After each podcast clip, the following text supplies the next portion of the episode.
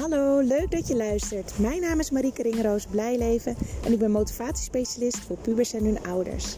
En het is mijn missie om het aantal pubers dat onnodig moet afstromen van niveau, dubleren of zakt voor het eindexamen terug te dringen in heel Nederland. Want een motivatieprobleem is een gevolg en geen oorzaak. In deze podcast deel ik allemaal inspiratie, tips en tools zodat je thuis direct ermee aan de slag kan.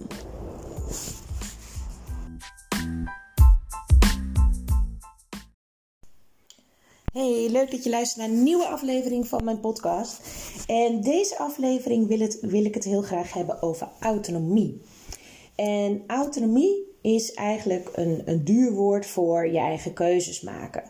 Weten wat jij ergens van vindt en de ruimte uh, pakken, voelen en krijgen om die ook te uiten. Je eigen mening, je eigen kijk op dingen, je eigen gevoel over dingen en je eigen keuzes dus te maken. En dit is een onderdeel die ik heel veel tegenkom, uh, waar ouders mee worstelen met hun tieners.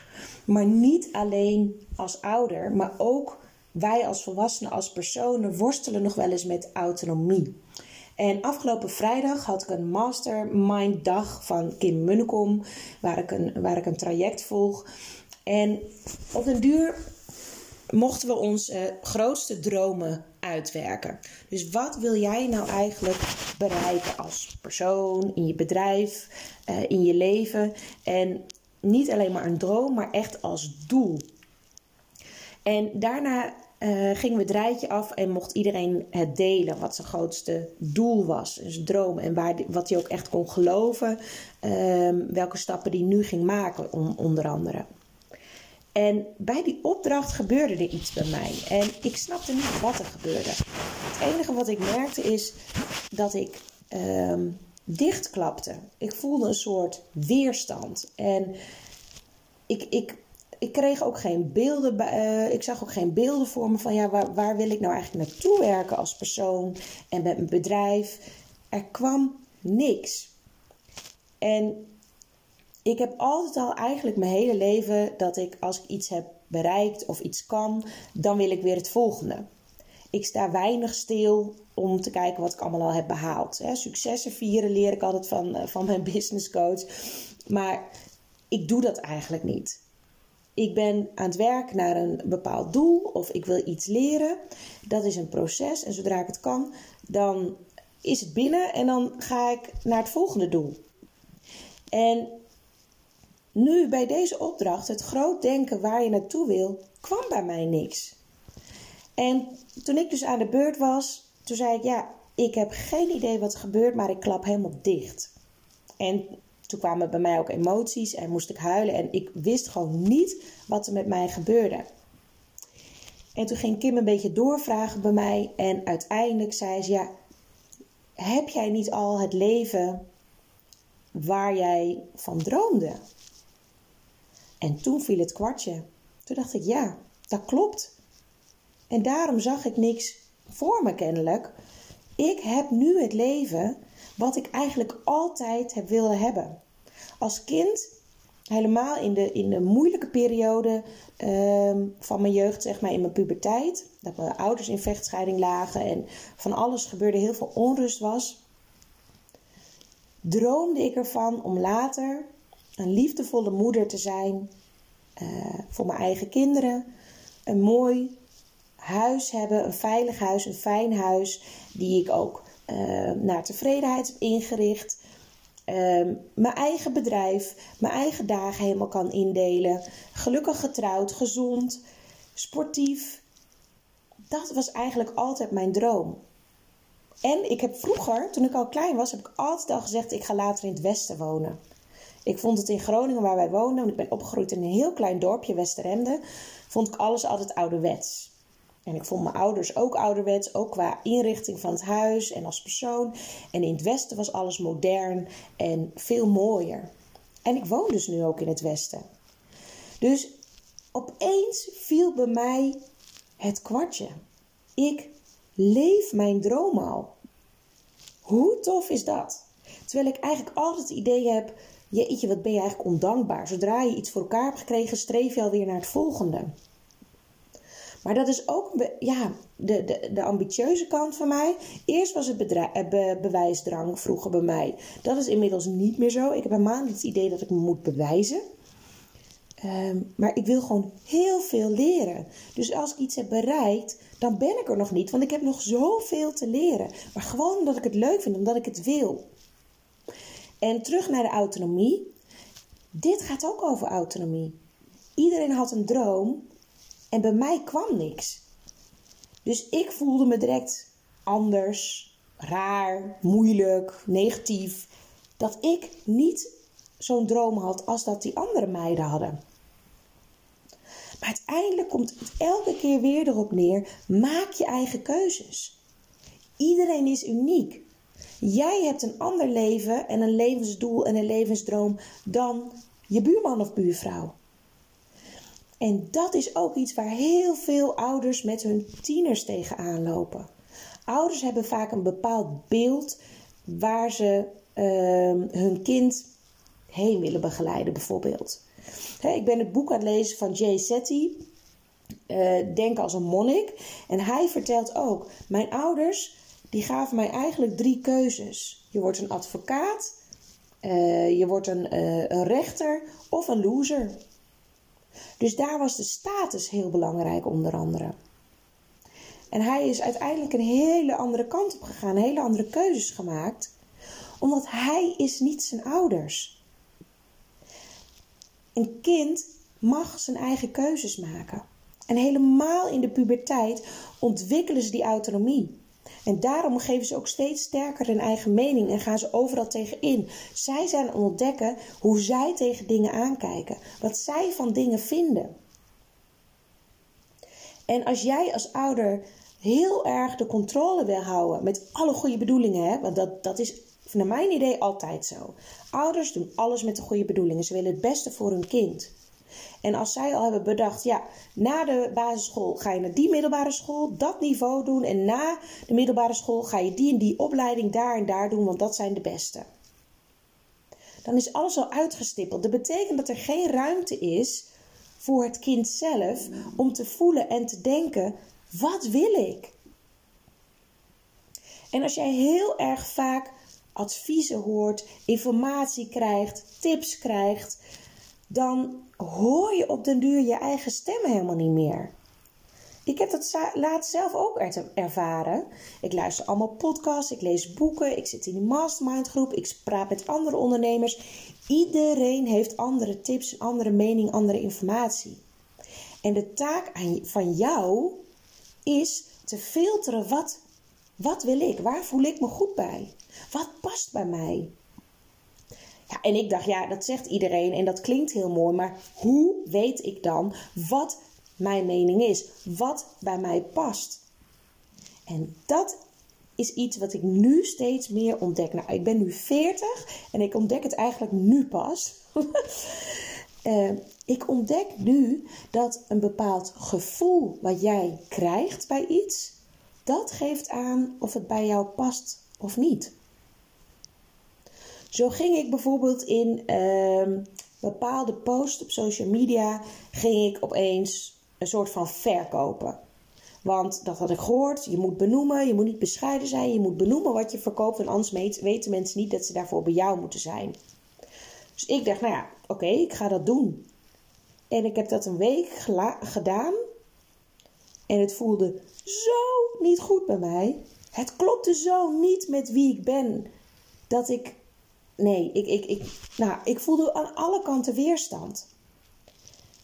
Dus dat heb ik uitgeprobeerd, maar dat past niet bij mij, want dat voelde ik heel duidelijk aan alles. En datzelfde geldt ook voor jou als ouder. Ik had laatst een vader die zei: Ja, uh, andere ouders verklaren mij echt voor gek dat de PlayStation van mijn zoon op zijn slaapkamer staat. Die zeggen dat het belachelijk is. Ik zei: Oké, en, en wat vind jij daarvan? Ja, nee, maar die zegt het en die zegt en die zegt het. Want dit en dit zijn de gevolgen. Ik zei ja, maar hoe denk jij daarover? Wat is jouw mening? En eigenlijk wist hij dat niet. Want je hebt dan, deze vader heeft ook een reden waarom die PlayStation wel op de kamer van zijn zoon staat. Het is niet zo als alle andere ouders zeggen dat dat slecht is. Dat het slecht is. Jouw kind is niet hetzelfde als andermans kind. Misschien kan jouw kind er wel heel erg verantwoordelijk mee omgaan. En gaat hij niet s'nachts zitten gamen. Misschien zijn die andere ouders wel hele controlerende ouders en willen die hun kind beschermen tegen eventueel s'nachts gaan gamen. Terwijl jij je kind leert om daar zelf verantwoordelijkheid voor te pakken. En doet hij dat ook? Er is zoveel ruis in het leven.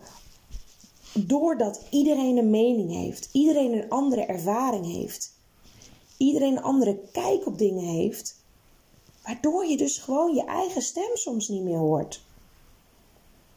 En het is onze taak als ouders voor onszelf, maar ook voor onze kinderen, om te helpen filteren. En hoe doe je dat? Door echte vragen te stellen. En met echte vragen stellen bedoel ik vragen waarvan je het antwoord niet kan googlen. Vragen waarvan je um, zelf het antwoord nog niet weet. Dat is wat echte vragen zijn. En als zodra je dat begint te doen, zodra je echte vragen begint te stellen, gaat jouw kind nadenken. Die gaat graven in zijn eigen, uh, ja, in zijn eigen gevoel, in zijn eigen gedachten. Hoe die ergens over nadenkt, wat hij ergens van vindt. Want dat weten ze nog niet. En dat is het proces van autonomie, van ontwikkelen van hun eigen autonomie. Ik weet nog heel goed het moment, begin twintig, dat ik besefte wat mijn mening was. Ik hoorde iemand wat zeggen en er was een heel klein stemmetje in mijn achterhoofd die wat anders dacht. En ik, ik besefte op dat moment, dat stemmetje, dat is mijn mening. Hoe tof is dat? En toen dacht ik, jeetje, nu pas? Heb ik dat nu pas? Maar ik denk dat er ook mensen zijn die dit stemmetje misschien ook als volwassenen nog niet horen of niet herkennen. Of denken, ja, ik mag dat niet vinden, of ik mag dat niet denken of voelen, want dat is raar. Of ik ben de enige die zo denkt.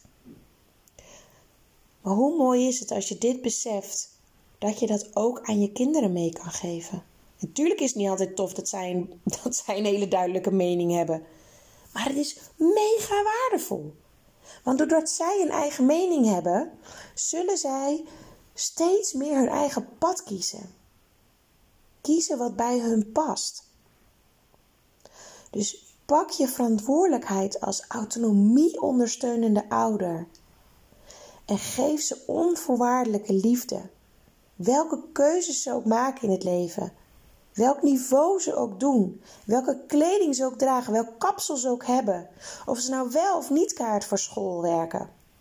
Of ze nou een universitaire studie gaan doen of ervoor kiezen om, om direct te gaan werken of, uh, of een reis te maken of nog helemaal geen keuze te maken. Blijf ze lief hebben, dan heb je onvoorwaardelijk lief. En dan zullen ze altijd op jou terugvallen. Zullen ze je alles durven vragen. Zullen ze hun mening bij jou durven ventileren om te kijken wat um, jij daarvan vindt, wat de reactie is, voordat ze de wereld inslingeren? Het is zo mooi en zo belangrijk om jezelf te mogen zijn. Om je eigen keuzes te maken, je eigen pad te bewandelen. En niet het pad wat jij als ouder voor jouw kind het beste vindt want je kind gaat er tegenin. En hoe meer controle jij wil hebben over hoe je kind eruit ziet, en met wie die omgaat, wat hij wel of niet doet, wat hij wel of niet eet en drinkt, hoe minder hij zijn eigen stem kan horen.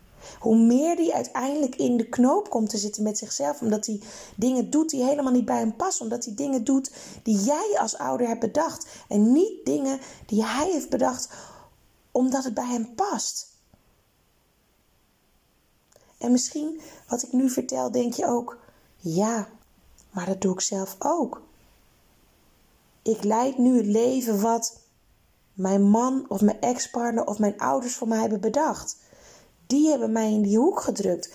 Maar ik voel aan alles dat dit niet is wat ik wil. Ik voel aan alles dat dit niet is wie ik ben.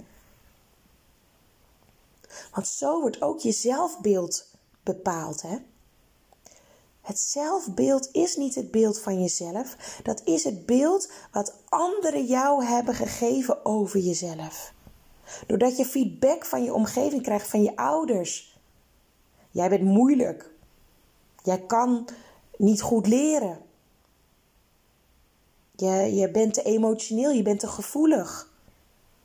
Allemaal dingen. Als jij denkt dat het over jou gaat, is dat voor jouw gevoel wie je bent. Maar het is allemaal ruis, want al die dingen die tegen jou zijn gezegd, die neem jij aan op den duur als waarheid. Die geloof je. Die heb je zo vaak gehoord dat je denkt dat het waar is. Maar wie zijn hun om jou te vertellen wie jij bent? Er is maar één die weet wie jij bent, wat jij voelt, wat je denkt, wat je wil en wat jouw pad is, die bij jou past. En dat ben jij. Stel jezelf ook echte vragen. Stel jezelf vragen waarvan jij nu nog niet direct het antwoord weet.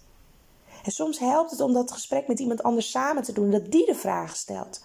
Zodat je niet alleen met jezelf hoeft te sparren, maar dat je met iemand kan sparren die alle ruimte aan jou geeft om te voelen en te denken wat van jou is. En wees jij nou die volwassene die dat ook is voor je kinderen. Die spart met je kind om je kind te laten ontdekken hoe die over dingen denkt. Wat hij erbij voelt. En dat het oké is. Je hoeft er niet mee eens te zijn. Je mag meningsverschillen hebben. Maar het is oké dat de ander zo denkt. En misschien verandert hij wel weer van mening en gedachten. Helemaal in de puberteit. Ze zijn hartstikke op zoek naar hun identiteit. Daarom zijn ze ook zoveel met hun, met hun leeftijdsgenoten. Ze zijn aan het ontdekken. Wat doen zij? Wat dragen zij? Wat vinden zij leuk? En is dat ook iets wat ik leuk vind? Ik ga het proberen. En dan gaan ze ervaren, vind ik het leuk, ja of nee? Dat is hetzelfde met experimenteren met drank en drugs en seks. Ze zijn het experimenteren. Wat vind ik daarvan? Is dat zo leuk als dat mijn vriend of vriendin zegt? Of vind ik dat helemaal niet zo leuk? Dus autonomie ondersteunend opvoeden is zoveel meer waard voor de rest van het leven van je kind dan controlerend opvoeden. Want de controle die jij wil uitoefenen op je kind, als je dat hebt, hè, want misschien zeg je, nou ja, dat autonomie ondersteunend opvoeden, dat doe ik eigenlijk al. Super mooi. Wees er bewust van dat je dat heel mooi doet. En herken je jezelf in het controlerend opvoeden, weet dat daar ook iets achter zit. Waar komt de angst vandaan dat jouw kind misschien andere keuzes maakt, in jouw ogen verkeerde keuzes? Ben je bang wat de omgeving daarvan vindt of denkt? Ben je bang dat de omgeving jou dan een slechte moeder vindt? Wat is dat? Onderzoek dat eens bij jezelf. En bespreek het met je kind. Want hoe mooi is het dat je tegen je kind kan zeggen: Opeens besef ik dat ik veel te veel aan het sturen ben. Terwijl ik wil dat jij je eigen keuzes maakt. Ik wil dat vanaf nu anders doen. Weet dat ik hiermee bezig ben. Want kinderen voelen dit al lang. Kinderen zeggen heel vaak: Mijn ouders pushen te veel. Mijn ouders willen dat ik dat, dat en dat en dat doe. Maar dat wil ik helemaal niet. Ze weten het. Dus hoe mooi is het dat jij hun kan vertellen dat jij het opeens ook weet. Oké, hier laat ik het bij. Laat me weten wat je uit de podcast haalt. Want ik vind het super waardevol. Want ik zend nu natuurlijk met de podcast. Maar ik heb geen idee hoe het ontvangen wordt. En ik vind het heel waardevol om terug te krijgen wat je uit deze podcast haalt. Oké, ik wens jullie een hele fijne dag.